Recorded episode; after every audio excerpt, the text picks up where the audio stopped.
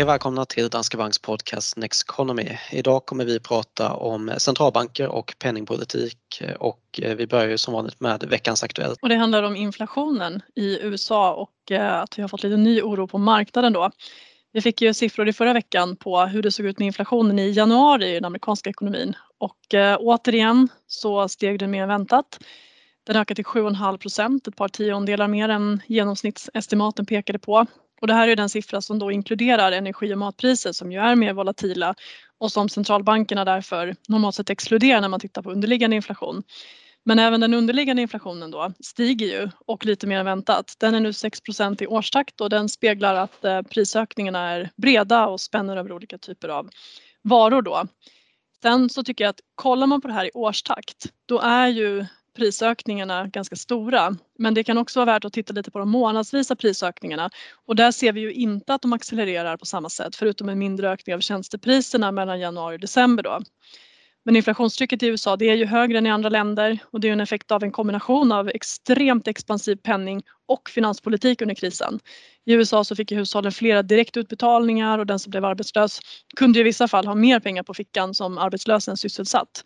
Och stigande börs, stigande bostadspriser brukar också göra att hushållen känner sig rika och vågar spendera. Så att den här enorma efterfrågan den kommer ju av flera olika skäl kan man väl säga och det har lett till mm. de här prisökningarna då som nu väntas få Fed att strama åt ganska kraftfullt under det här året. Och marknaden har ju legat något fel och det har ju Fed också gjort. Så både månadsinflationen och i årstakt har ju varit högre än förväntat. Mm. Eh, och som sagt det får ju effekter på penningpolitiken troligtvis här framöver men vi återkommer till det senare också. Mm. Vi ska gå vidare till veckans fråga som handlar om tillväxtmarknader och eh, veckans fråga alltså tror ni på revansch för tillväxtmarknader under 2022? Det är en väldigt bra fråga därför att tillväxtmarknader gick så otroligt svagt jämfört med utvecklade marknader under 2021. Och vi har ju för tillfället i våra strategier en, en neutral syn på tillväxtmarknader men vi tog upp dem från en undervikt i höstas. Och det finns ändå en del tycker jag som talar för att 2022 skulle kunna bli lite bättre. Kollar vi på hur det såg ut i fjolåret då så handlar det väldigt mycket om att Kina gick svagt som drog ner hela index. Kina tappade över 20 procent medan ett globalt index exkluderat tillväxtmarknader steg över 20 procent så det är ju mer än 40 procentenheter i, i skillnad på avkastning så att det är ganska extremt då. Men med tanke på det eh, och om man tittar på det som händer eh, som var motvind för tillväxtmarknader under fjolåret Eh, så finns det en del som talar för att det här kanske kan vända till viss del. För 2021 så stramade till exempel tillväxtmarknaden som grupp åt. Dels därför att inflationen var ganska hög så att vi såg hur tillväxtmarknads eh, centralbankerna på tillväxtmarknader eh, höjde räntorna till exempel medan vi hade en väldigt expansiv penningpolitik i Europa och i USA. Även Kina stramade åt och införde regleringar för att komma åt obalans i ekonomin och sådär men det hämmade ju tillväxten. Men kollar vi nu in i det här året, ja men då har vi ju en åtstramning som väntar, framförallt i USA men även på andra håll. Även ECB har ju börjat prata om hur man ska skala tillbaks stimulanserna. Medan vi tittar på tillväxtmarknader då, där Kina då väntas börja stimulera ekonomin igen för att stabilisera bostads och fastighetsmarknad, se till att ekonomin inte bromsar in mer än nödvändigt till, till följd av det som har hänt i fastighetssektorn och sådär. Och till öka tillväxten i Kina så är det positivt även för många andra tillväxtländer, främst i Asien men även på andra håll. Så mm. att eh, det, det talar ju för att vi skulle kunna få en, eh, en bättre utveckling för tillväxtmarknader relativt utvecklade marknader. Då. Ja precis, så lite omvänt scenario jämfört med 2021 och att vi får en mer expansiv penningpolitik och också en starkare tillväxt förhoppningsvis mm. under det här året i Kina då kanske framförallt jämfört med hur det såg ut förra året.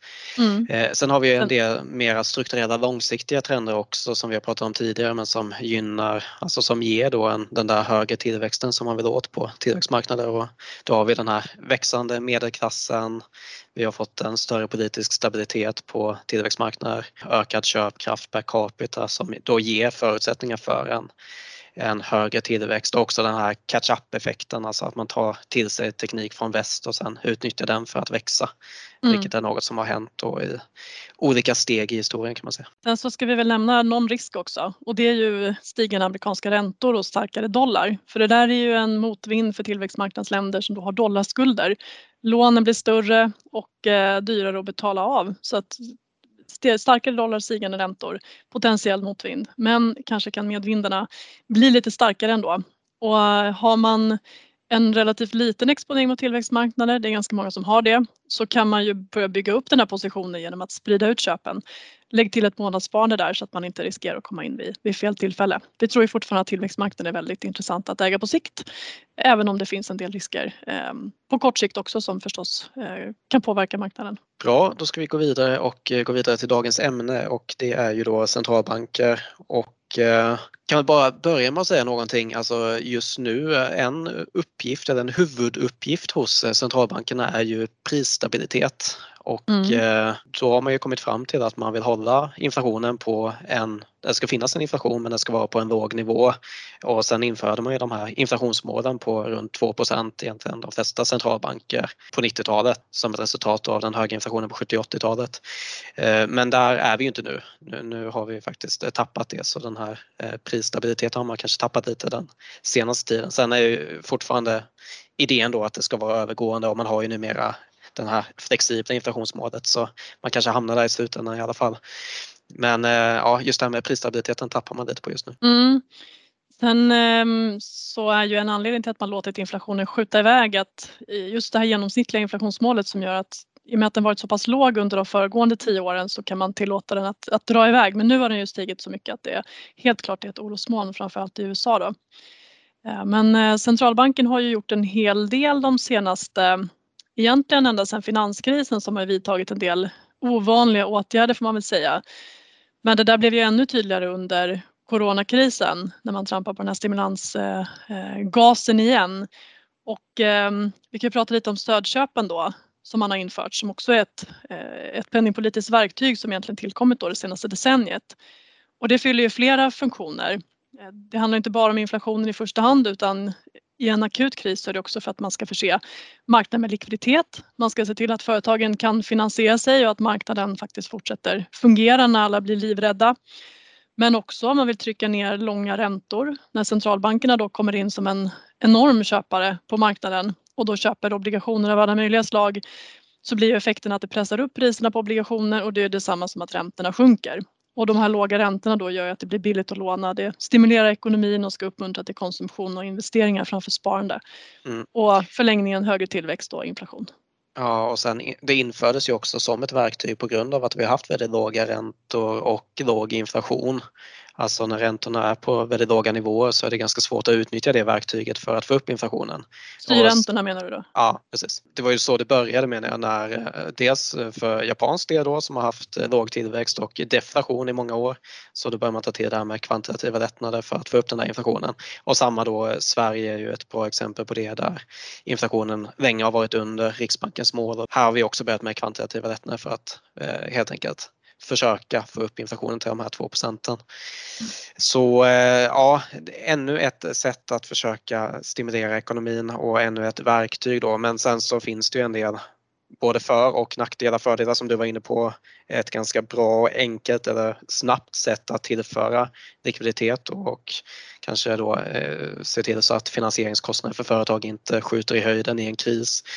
Men sen är det ju också eh, nackdelar är ju att eh, det kan ju bygga upp bubblor. Eh, tillgångspriser har ökat väldigt kraftigt sedan man började med QE eh, finanskrisen och har fortsatt med det. Tanken med det är också att det ska leda till en, en omfördelningseffekt av eh, kapital kan man väl säga så att det ska gynna inte bara de eh, direkta obligationslag till exempel som centralbanken köper. Så nu under coronakrisen så har man ju köpt alla möjliga typer av obligationer, även företagsobligationer. Det har man inte gjort tidigare utan det här är ett, ett nytt eh, verktyg även, då.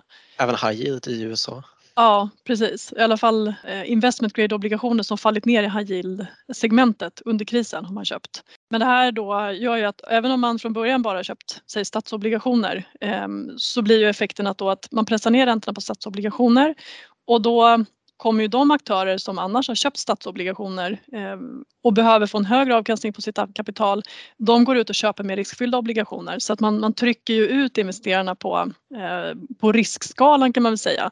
Och det är därför vi också får de här effekterna på alltså högriskobligationer och även på aktiemarknaden. Och det gör att eh, investerarna helt enkelt tar högre risk i jakten på eh, samma avkastning som man har förväntat sig eller åtagit sig att skapa om man till exempel är en pensionsfond då. Så att det, här, det här gör att risktagandet ökar. Och som det ser ut i dagsläget så fortsätter ju ja, egentligen många centralbanker att stödköpa sen coronakrisen då. Och Fed har ju börjat med tapering, alltså att man börjar då dra ner på de här stödköpen och man ska ju vara klara nu i mars är tanken. Precis och anledningen till att man har snabbat på det här det är ju att man ser att inflationen i USA den är så pass hög att nu vill man börja höja räntan. Men att höja räntan och samtidigt fortsätta gödsla ekonomin med stödköp är inte aktuellt så att man vill avsluta stödköpen eh, och sen då börja höja räntan. Och därför så har man ökat takten på nedtrappningen så att det ska vara klart i början på mars.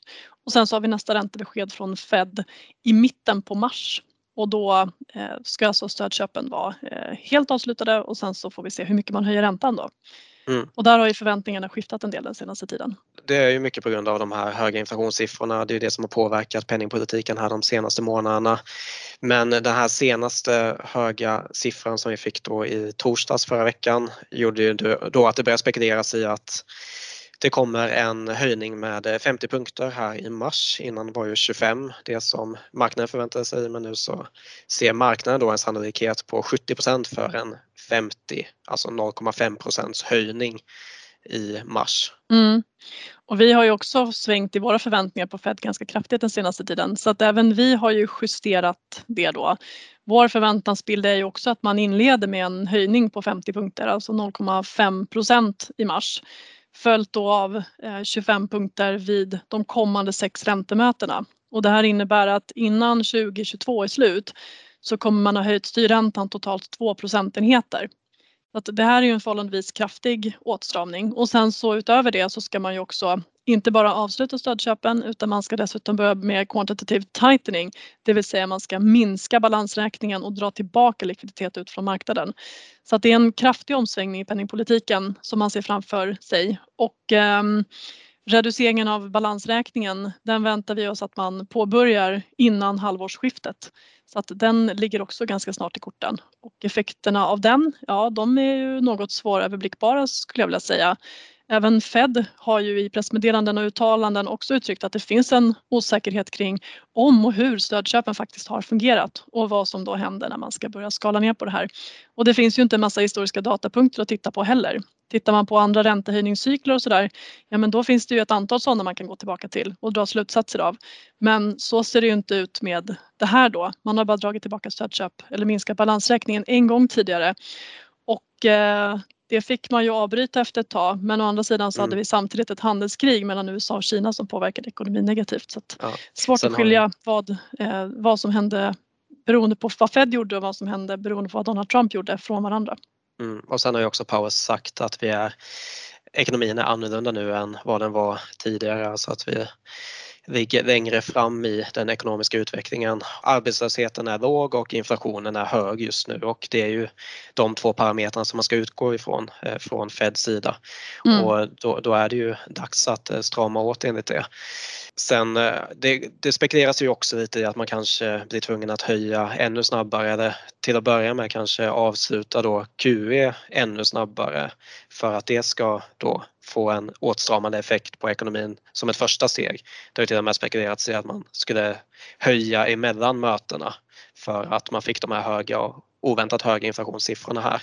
Eh, men det där med att höja mellan möten är något som är väldigt ovanligt när det kommer till att man är i en höjningscykel. Det är vanligare då om man är inne i någon typ av kris. Men senaste gången det skedde, det var i början på 90-talet att man höjde mellan möten. Så det, det återstår att se då om det är någonting som de tar till Sen finns det ju en risk då med den här åtstramningen också. Det är förstås att man då kommer behöva gå fram så pass fort nu när man börjar höja. Att man stramar åt så pass mycket att man så småningom skickar in ekonomin i en recession. För det har ju hänt historiskt också att Fed har eh, stramat åt för mycket helt enkelt och på så sätt då eh, gjort att tillväxten till slut faller ner i eh, en lågkonjunktur då så man får lågkonjunktur i ekonomin. Och det finns ju en indikation på det där om man tittar på hur det ser ut på marknaden då så har vi den så kallade räntekurvan och då har vi skillnaden mellan den långa tioårsräntan och tvåårsräntan. Och när då tvåårsräntan, alltså den korta räntan, blir högre än tioårsräntan så ska det normalt inte se ut men när det ser ut så då har det historiskt varit en väldigt eh, pricksäker indikator på att det kommer en lågkonjunktur. Inte exakt när men eh, normalt sett inom ett till två år. Så det här är någonting som marknaden håller koll på och vi har ju sett då den senaste tiden hur den här räntekurvan har flackat som man säger och den har varit nere på ja, 40 punkter så att det är en förhållandevis liten skillnad. Eh, och det är också en sak som marknaden Dels ha koll på och sen så som, är orolig, som man är orolig för. Men som sagt, skulle den där inverteras så är det fortfarande så att det brukar signalera att lågkonjunkturen fortfarande ligger en bit fram i tiden.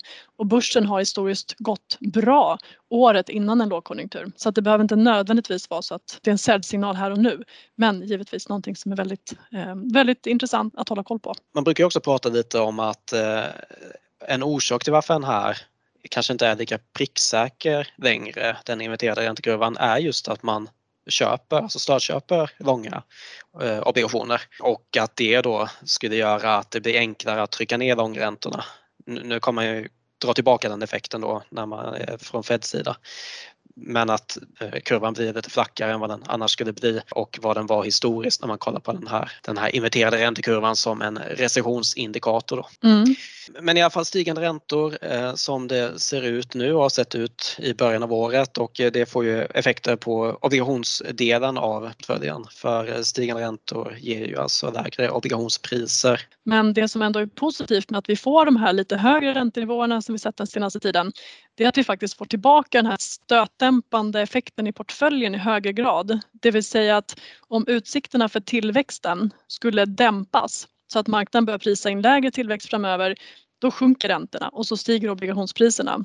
Och får vi då verkligen en period med sämre tillväxt där börsen i så fall kommer gå svagare, sjunker räntorna och då så ser vi hur obligationsdelen av portföljen eh, alltså stiger i värde och då får vi den här stötdämpande ehm, effekten på portföljen som vi har haft i högre grad historiskt. Den, den har faktiskt funkat även på de här låga räntenivåerna när vi får en större kudde där räntorna kommit upp en bit än när de ligger eh, några tiondelar bara över de historiskt eh, lägsta nivåerna. Så att det, det får man ändå se som någonting positivt tycker mm. jag. Sen har vi ju duration där också som ett eh, bra koncept att känna till. Alltså har man en obligationsportfölj eller en obligationsfond med en hög duration så innebär det att den är mer räntekänslig.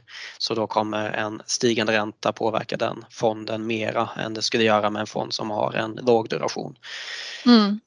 Sen har vi ju börsen då och det finns ju bolag som påverkas olika av det här också. Vad vi har sett på marknaden väldigt tydligt i början av året det är ju att högt värderade tillväxtbolag som då har en stor del av sina vinster liggande långt fram i tiden, de påverkas mer nu när vi har det här skiftet då till, eh, till högre räntor. Så att vi har ju sett ganska stora kursfall faktiskt i en del bolag som har varit vinnare under krisen och tittar man på globala sektorer så ligger ju de här strukturella tillväxtsektorerna som IT, sällanköp och kommunikationstjänster i botten. Medan det som kallas för värdebolag och dit hör bland annat banker och energibolag har klarat det här mycket bättre. Och energibolagen beror ju förstås på att energipriset och oljepriset har rusat också. Men även bankerna då som ofta är lägre värderade med ganska låg tillväxt, stabila balansräkningar.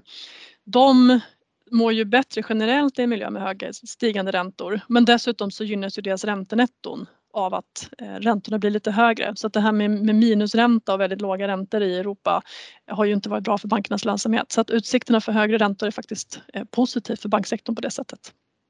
Bra, då tänker jag att vi kanske går vidare till veckans studie. Vad spännande. Vad är det den här ja. veckan? Ja, den här veckan är det en eh, studie som vi har pratat om tidigare som heter Attention Induced Trading and Returns Evidence from Robinhood Users. Eh, och eh, orsaken till varför vi tar upp den igen är för att den fortfarande känns aktuell och mängden aktiva småsparare ser ut att ha ökat även i Sverige de här senaste åren. Men den här studien handlar alltså om den amerikanska nätmarknaden Robinhood som har förenklat aktieinvesteringar för många amerikaner. Men något att ta med sig här är att bara för att det är enkelt att handla med aktier så betyder inte det nödvändigtvis att det är enkelt att handla med aktier.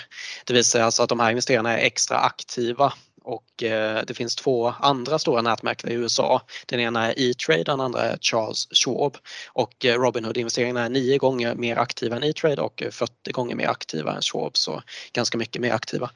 Dels för att det då går snabbt att göra affärer på Robinhoods plattform och sen också att de visar upp aktierna som har rört sig mest under dagen och också aktierna som är mest populära bland andra på plattformen, vilket också gör att man blir mer intresserad av att investera.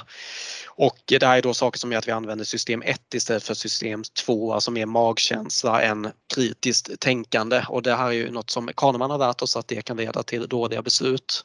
Och eh, den här studien är gjord av eh, Brad Barber och Terence Odin och de har då studerat data under perioden maj 2018 till augusti 2020. Jag pratade om dem tidigare för de har ju i studie på studie visat att ökad aktivitet ger sämre avkastning och det gäller ju även då för Robinhood-investerare.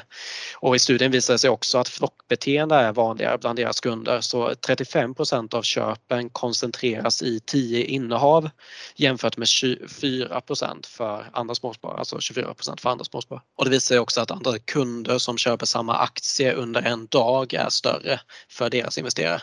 Så man hakar alltså på aktier som får mycket uppmärksamhet. Och de 0,5% mest köpta aktierna varje dag förlorar sen i genomsnitt 4,7% av sitt värde den kommande månaden under den här perioden. Så det här flockbeteendet gynna inte investerarna. Eh, så slutsatsen från studien är egentligen då att enkelheten i Robinhoods plattform troligtvis gör att investerarnas resultat blir sämre över tid. Och det är ju synd. Det viktiga är alltså att ha rätt risk i portföljen som vanligt och en egen strategi som man kan hålla sig till över tid för aktivitet och att följa flocken tenderar att eh, skada en särskilt när det går kraftigt uppåt och kraftigt neråt. Mm. Det är väldigt tydligt att det här är någonting som verkligen intresserar människor. Det kan man ju se eh, på, på artiklar också hur eh, den typen av artiklar om vilka aktier som har gått bäst eller vilka fonder flest har investerat i eller flest har sålt. Det får ju väldigt, väldigt många läsare. Så man är helt enkelt väldigt intresserad av vad rör sig mest, vad köper andra, vad gör andra? Eh, så det är klart att det, det påverkar vårt beteende men försök stå emot mm. och bygga en, en portfölj med bra riskspridning. Lägg tiden på det istället. Precis.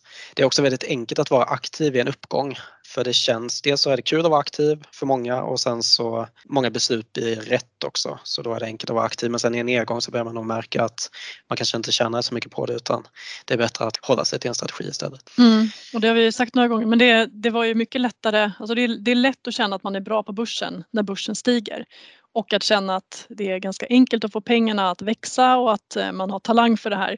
Men det är en sak att tjäna pengar på en börs som stiger mycket på kort sikt och en helt annan sak att bygga upp ett sparande som är robust och som man känner sig bekväm med även i perioder när det blir stökigt på grund av penningpolitik, geopolitiska konflikter eller vad det nu må vara som dyker upp längs vägen. För det kommer alltid finnas någonting att, att oroa sig för och den här perioden som vi haft med extremt stark börs där i stort sett allting stigit, den är ganska ovanlig och sällsynt skulle jag vilja påstå. Ja, och just det här med att ha en strategi som ska hålla sig över tid. Alltså många av de här Robinhood-investerarna som kom in på plattformen, eh, det var alltså, eh, det står det i studien också, att hälften av Robinhoods kunder, de hade aldrig investerat tidigare. Och det var 13 miljoner kunder då 2020. Och eh, då har man alltså kommit in i en miljö där mycket har gått upp och man har tagit mycket risk. Men som du var inne på där, alltså de här unga investerarna de ska ju investera i kanske 30, 40, 50 år framåt. De ska ha en strategi som håller sig över den tidsperioden. Mm. Eh, så det är en helt annan sak att lyckas med investeringar på riktigt lång sikt jämfört med att göra det på kort sikt. Mm. Så med det så tänker jag att det får avrunda vår podd idag. Ni får som vanligt ställa frågor i frågeformuläret i avsnittsbeskrivningen eller komma med förslag på ämnen som ni vill att vi tar upp här. Och eh, så får ni gärna gå in på nexteconomy.se också. Och det är vår nyhetssajt och där hittar ni både våra poddar, bloggar och filmer om börsutvecklingen och vår investeringsstrategi. nexteconomy.se. Bra, då avrundar vi för den här gången och så hörs vi igen eh, nästa gång. Tack och hej! Mm, tack och ha en fin vecka!